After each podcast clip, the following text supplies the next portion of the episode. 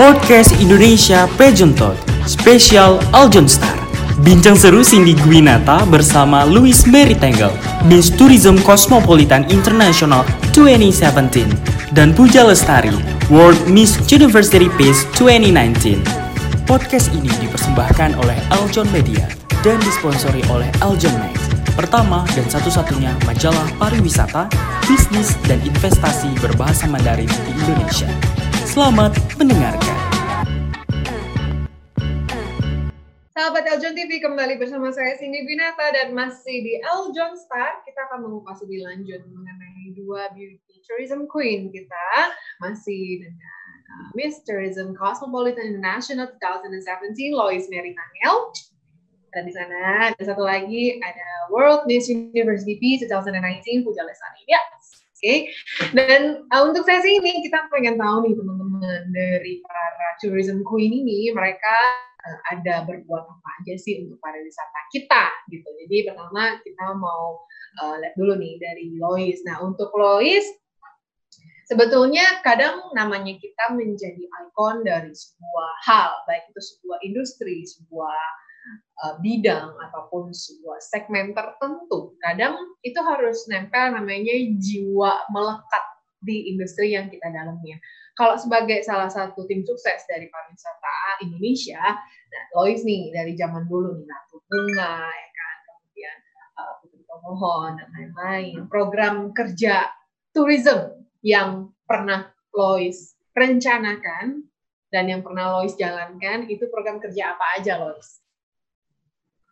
Kalau dari secara pribadi untuk program kerja yang datangnya dari secara pribadi sih jujur kayak belum jalan. Tapi program kerja yang aku ikut aktif dengan komunitas yang concernnya ke pariwisata kita udah banyak melakukan kegiatan dan kita tuh emang fokusnya untuk pembuatan video-video. Jadi kalau lagi berpariwisata kita bikin video perjalanan gimana how to get there gitu jadi kita lebih ke gimana pro program kerja kita itu bagaimana kita mempromosikan satu objek wisata, tapi bukan hanya sekedar posting foto dan bilang bahwa ini objek wisata yang indah dan lain-lain, tapi sama teman-teman komunitas ini kita udah sempat bikin beberapa video perjalanan kita jadi how to get there. Jadi teman-teman yang melihat video kita mereka bakal bisa langsung tahu, oh ternyata kalau mau kunjungin satu objek wisata ini kita harus lewat daerah yang namanya ini, terus kita harus pakai mobil, kita bakal take time berapa jam gitu sih, Ci. Sama kita tetap aktif apa ya, hiring teman-teman yang punya skill lewat content creator, lewat pembuatan foto dan lain-lain kita hiring juga untuk gabung dalam satu komunitas itu. Okay. Itu sih Ci, kalau dari aku. Kalau dari misalnya uh, dari sekian tahun nih kamu menjabat sebagai uh, ikonik ataupun dari Agent of Change ataupun dari tim sukses dari pariwisata, kamu pernah ngalamin uh, experience yang paling nggak terlupakan nggak dalam semua kegiatan yang pernah kamu terlibat di dalam? Iya, pernah, pernah banget.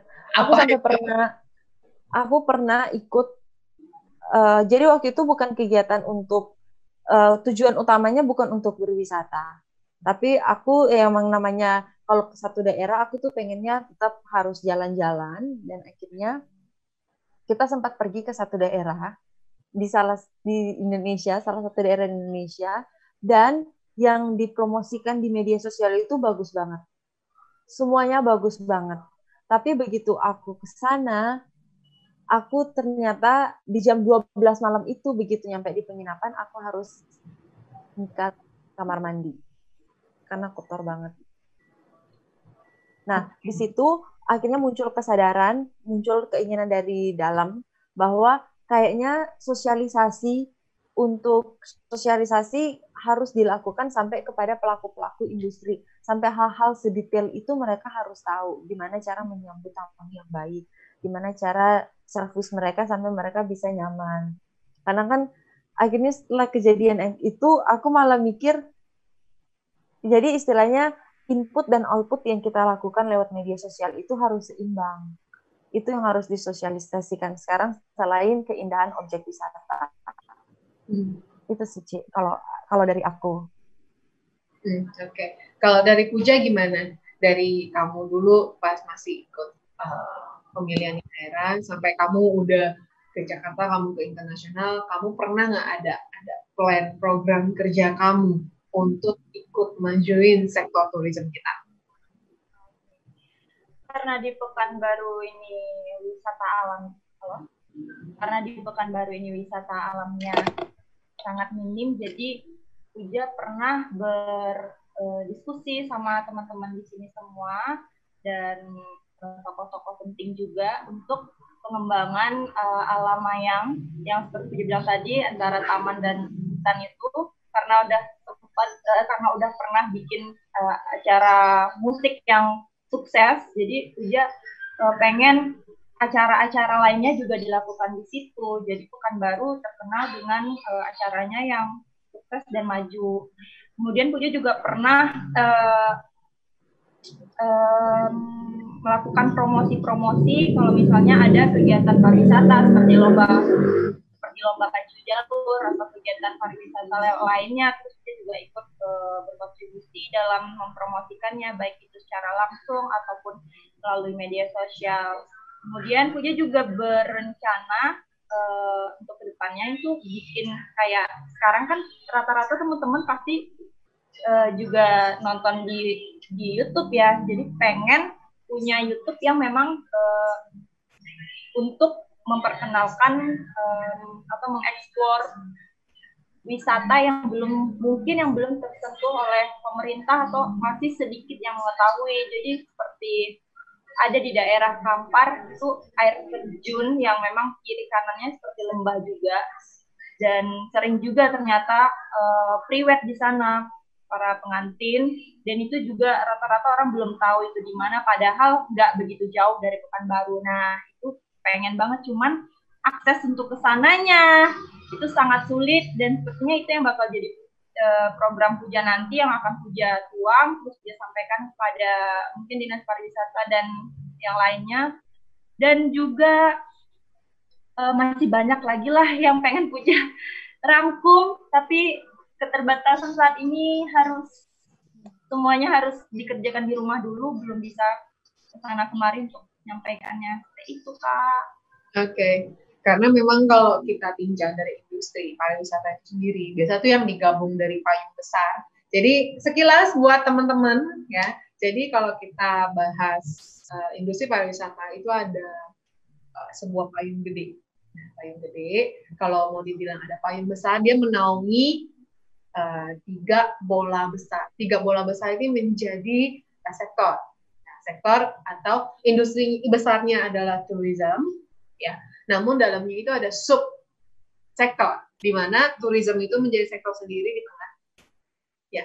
Jadi tourism sektor tengah ini kita sebutnya sebagai uh, attraction atraksi. Jadi tourism destination atau marketing tab misalnya kayak culinary tourism sport tourism kemudian ada yang namanya uh, medical tourism itu ada di sini semua. Nah kalau di bagian lingkaran yang sebelah kanan, dia ada irisan di sini. Yang sebelah sini, itu adalah industri aksesibilitas. Travel, airline, cruise, bus coach, dan lain-lain. Commuter line, MRT, masuk di sini. Karena yang dijual adalah akses, travel. Ya. Dan yang satu lagi di sebelah sini, bulatan yang ketiga, ya, itu adalah industri hospitality. Dalamnya ada apa? Lodging, penginapan, restoran, event, dan semua assisted uh, assisted living facilities itu semua ada di sini. Jadi dari payung pariwisata ini itu ada tiga, ya. The tourism attraction itself, travel industry, and hospitality industry. Jadi kalau misalnya dari teman-teman yang memang merasa, oke, okay, ke depan apa yang harus kita kerjakan? Karena sekarang kan semua beralih ke digital, right? Nanti istilahnya robot aja mereka punya, pun, mulai punya uh, ilmu gitu karena ada AI dalam mereka di dan pengetahuan mereka itu semuanya di setting ketika nanti berhubungan dengan manusia ya mungkin orang akan sadar oh lu robot. Karena nggak ada feeling oh gue lagi ngomong sama manusia gue lagi ngomong sama robot.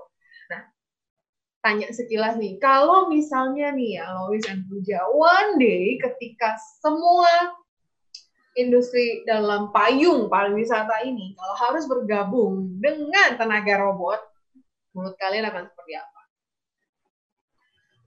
Apa dulu? Mungkin boleh Lois dulu. Kira-kira kalau menurut Lois bagaimana jadinya kalau one day semua tenaga harus diganti dengan robot? Memungkinkan nggak? Memungkinkan nggak sih gitu kira-kira?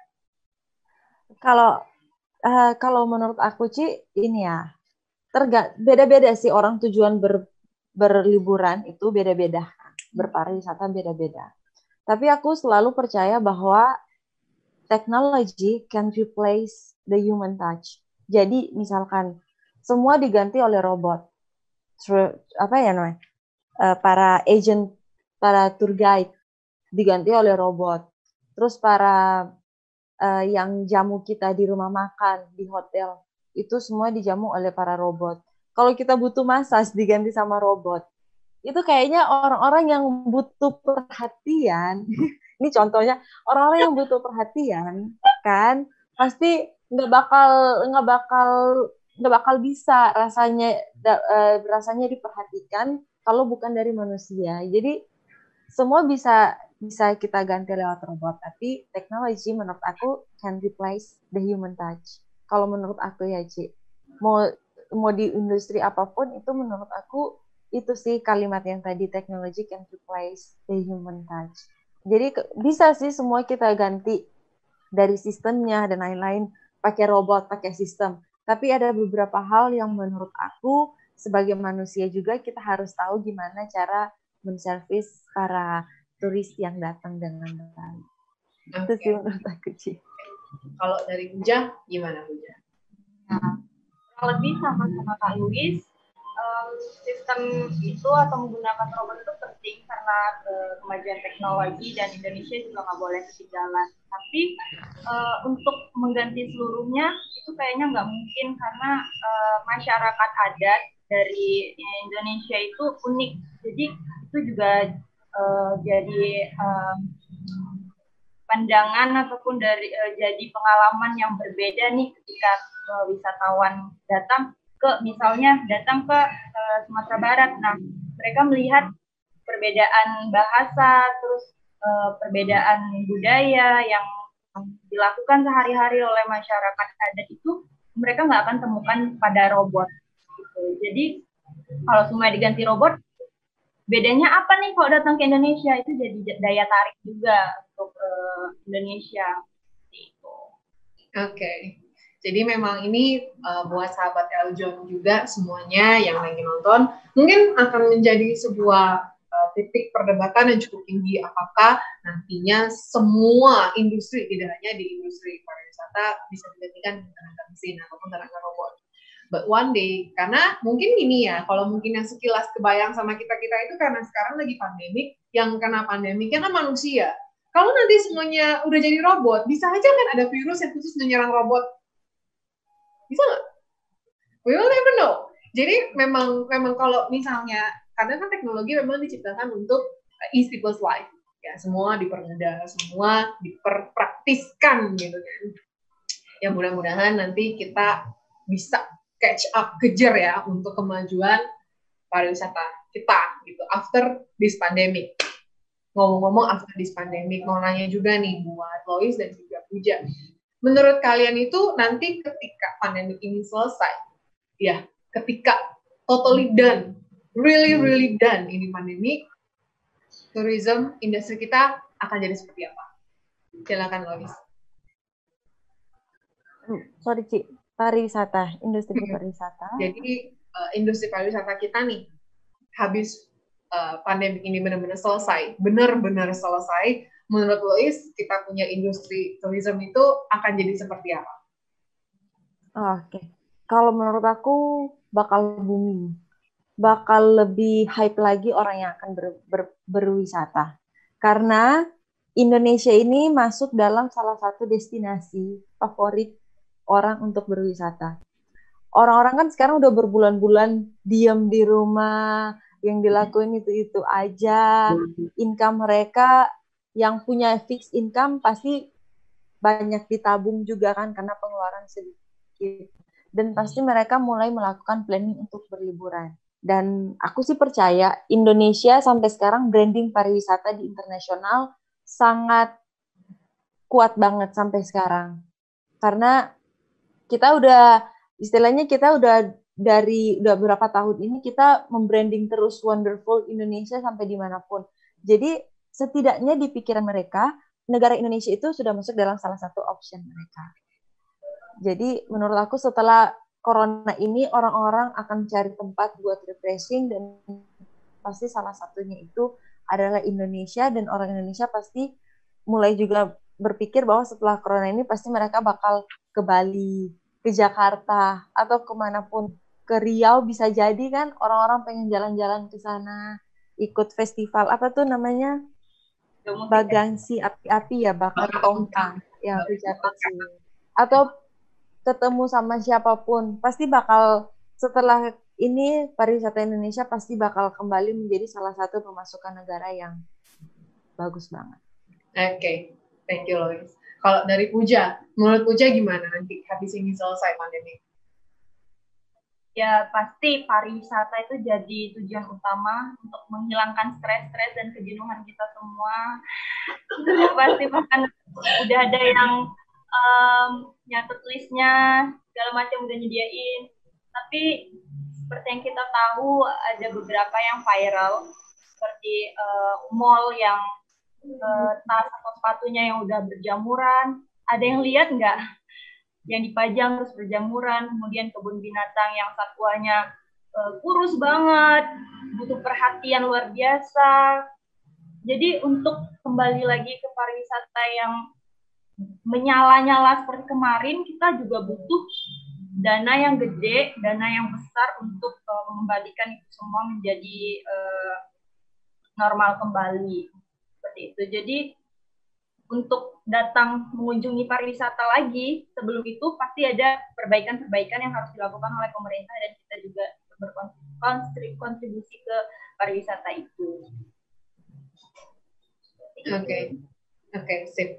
Yang menjadi PR kita ke depan ya, karena kebetulan uh, dari Desain Update, yaitu dari kita punya Wakil Menteri Pariwisata, Ibu Angela, uh, beliau sempat ke uh, internasional khususnya buat menghadirin meeting yang diadakan dari kawasan ASEAN. Jadi memang uh, buat teman-teman semua, ya tadi dari Lois sama dari Puja juga udah singgung mengenai poin kebersihan.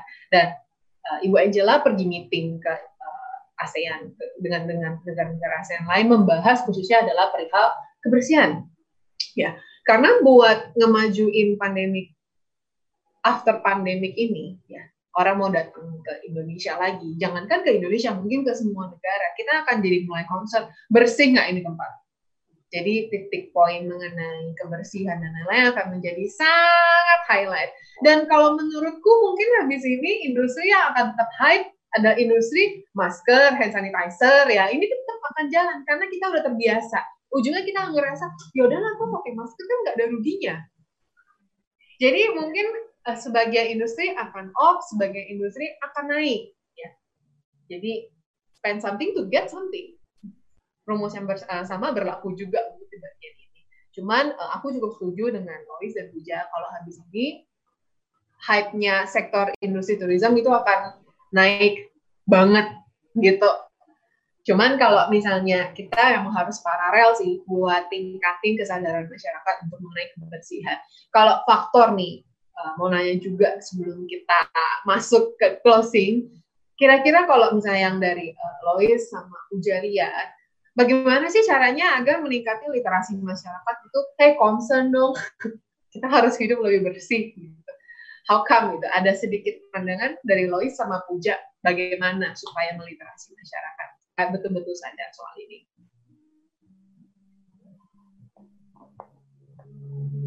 Boleh? Ya, kalau dari Puja dulu atau dari uh, dari Puja bolehlah gantian dari Puja dulu. Ya udah Puja aja dulu.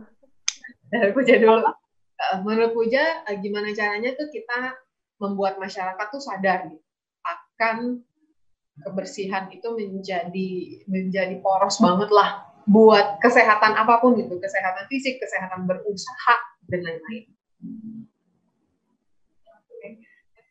Oke, jadi uh, kalau sekarang ini kita udah lihat juga di mana-mana tuh pasti men, uh, anjuran, ajakan semuanya itu untuk kebersihan dan itu puja rasa udah sedikit banyaknya udah tertanam ya pada masyarakat semuanya karena semua orang pasti fokus untuk menghindari yang namanya corona ini. Jadi apalagi kalau udah berbulan-bulan, ujar rasa kita juga akan terbiasa dengan yang namanya menjaga kebersihan. Jadi untuk setelah pandemi ini pun karena udah terbiasa, jadi akan terus-menerus diterapkan.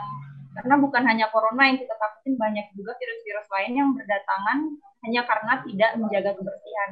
Dan tetap aja, walaupun udah terbiasa pun, nggak boleh berhenti untuk mengajak semua masyarakat menjaga kebersihannya setiap bisa tuh ya memang anjuran-anjuran menjaga kebersihan untuk uh, menanam kembali memupuk semua uh, masyarakat bahwa kebersihan itu emang nomor satu sih karena kebersihan adalah pangkal dari kesehatan. Oke, okay. nah kalau dari Lois ada pandangan kira-kira uh, there is another unique step buat literasi masyarakat. Fokus dong, harus bersih, taking care. Ya, kalau menurut aku, Ci, mau nggak mau, kita jangan pernah capek untuk menyuarakan, mensosialisasikan betapa pentingnya kebersihan itu. Kalau yang aku perhatiin sekarang corona sangat membantu kita untuk orang-orang yang benar-benar concern banget pengen mengeduket masyarakat tentang betapa pentingnya menjaga kebersihan. Dulu dulu kan kita paling males yang namanya cuci tangan kan? Kita malah nggak perhatiin sampah. Kita bersin sesuka kita mau bersin di mana pun tanpa nutup hidung dan mulut dan lain-lain. Tapi lewat corona ini kita malah karena ada corona ini begitu banyak video-video edukasi yang dibagikan ke masyarakat, mereka akhirnya mulai sadar. Namun memang ada beberapa masyarakat yang masih mikir bahwa ini kan cuma karena ada corona, jadi kita kalau bersin harus tutup mulut. Kalau ke mana-mana harus cuci tangan dulu. Kalau makan harus cuci tangan dulu. Yang harus kita lakukan adalah ke konsis konsistensi kita mengedukasi masyarakat. Karena ini berbicara mengenai kesadaran. Di mana kesadaran itu kan tumbuh dari diri dia masing-masing. Kita nggak mungkin dong tiap tiap jam, tiap tiap saat kita kontrol dia. Eh, tadi udah cuci tangan belum? Atau gimana? Tadi kamu ke mana-mana pakai masker nggak? Tapi yang harus dilakukan di sini, kalau menurut aku, orang akan sadar dengan sendirinya ketika intensitas kita mengedukasi mereka itu terus kita lakukan sebaik mungkin. Jangan sampai kita yang punya keinginan buat edukasi hari ini minggu ini kita hype banget nih buat edukasi minggu depannya kita low lagi jadi kayak masyarakat buat membangun kebiasaan dan kesadaran itu membutuhkan konsistensi dan intensitas dari diri kita untuk mengedukasi masyarakat itu sih Ci, menurut aku. Oke, okay. very nice buat Lois, very nice juga buat Puja. Last but not least, ya kesan pesan uh, dari Lois dan juga Puja buat semua sahabat John yang lagi nonton uh, agar mereka sekarang ini kan kita memang lagi masa pandemi. Kesan-kesannya buat mereka nih supaya habis ini bisa langsung keluyuran lagi. Tapi syaratnya di rumah dulu sampai selesai dulu gitu. Ada sedikit kesan pesan atau arahan bisa dari segi pariwisata, bisa dari segi berusaha, bisa dari segi uh, kreativitas buat ke depan silakan dari Puja dulu um, buat kesan-pesannya mungkin uh, kita bisa belajar bahwa di rumah aja bisa produktif kita tetap bisa melakukan banyak hal terus lebih dekat dengan keluarga dan dengan Tuhan jadi um, juga jangan lupa untuk uh, tetap menjaga kebersihan menjaga jarak. Jadi bukan cuma karena coronanya, tapi demi melindungi diri kita sendiri. Seperti itu. Kemudian uh, jangan lupa kalau untuk di pariwisata, nah kita memang uh, menikmati pariwisata yang kita kunjungi. Tapi yang pertama itu adalah bagaimana cara kita menjaganya, bukan sekedar menikmati. Setelah menjaga, uh, setelah menikmati kita tetap menjaga, kemudian jangan lupa untuk promosikan biar nggak seperti Bali yang cuma dikenal negara Bali aja, tapi Bali juga Indonesia. itu nggak boleh lupa. Semangat! sebenarnya harus diedukasi. Hello, Bali is a province, negaranya Indonesia. Oke, okay, thank you Puja, thank you. Kalau dari Lois, silakan. Kalau kalau dari aku pesan-pesan selama pandemi ini buat teman-teman jangan sampai kita terlena dengan work from home, jangan sampai kita terlena kita lebih banyak waktu santai di rumah, tapi kita gunakan waktu kita di lebih banyak di rumah ini untuk mengimprove skill apa yang bisa kita lakukan setelah kita akan menghadapi new normal after pandemic. Jadi jangan sampai kita terlena karena kalau mau di review uh, mau di flashback lagi kita udah hampir 10 minggu di dalam rumah. Apa yang sudah kita lakukan sesuatu yang baru dalam diri kita. Jangan sampai setelah ini kita kembali lagi ke kita yang sebelum Covid dan tidak menghasilkan sesuatu yang baru padahal the new normal is coming orang-orang pasti akan keluar dari rumah setelah COVID ini akan menghasilkan hal-hal yang baru. Jangan sampai kita hanya menjadi pribadi yang akhirnya kalah dengan mereka yang sudah jeli melihat apa yang akan terjadi ke depannya. Dan untuk di pariwisata ini, semoga juga setelah COVID ini teman-teman yang running di industri ini memberikan inovasi-inovasi yang baru yang bisa mengikuti perubahan setelah COVID ini. Itu sih menurut aku. Okay. Pesan-pesan aku. Luar biasa. Jadi buat Lois ya dan juga Puja terima kasih sharing-sharingnya, terima kasih kesan dan juga pesan yang diberikan karena memang the new normal is coming. Tapi hmm. satu rumus yang berlaku teman-teman, believe me, no pain and you no gain. If you want to get something, then you have to spend something. Dan sekian buat sahabat Eljon program Eljon Star kita pada hari ini. Sekali lagi terima kasih kepada Lois, thank you juga buat Puja atas waktunya, thank you, thank you so much. Thank you so much buat teman-teman yang sudah ikut nonton. Dan kita akan kembali ke program Eljon Star episode berikutnya. Terima kasih telah menyaksikan acara kita dan saya Sini Binata pamit diri. Sampai jumpa.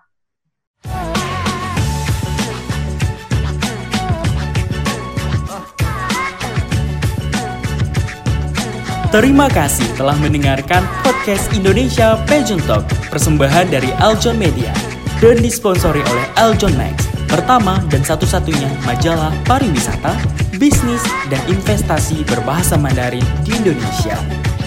Jangan lupa follow podcast Indonesia Pageant Talk di Spotify ya.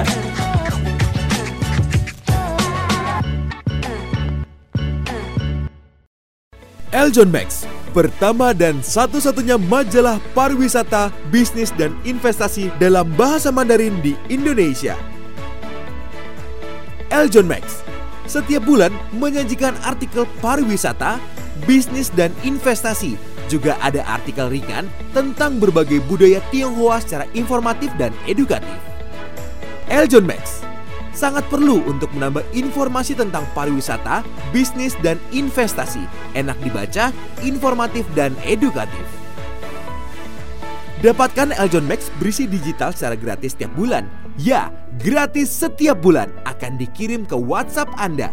Pesan sekarang ke nomor WhatsApp 0813 1040 8888. Eljon Max, Eljon Max.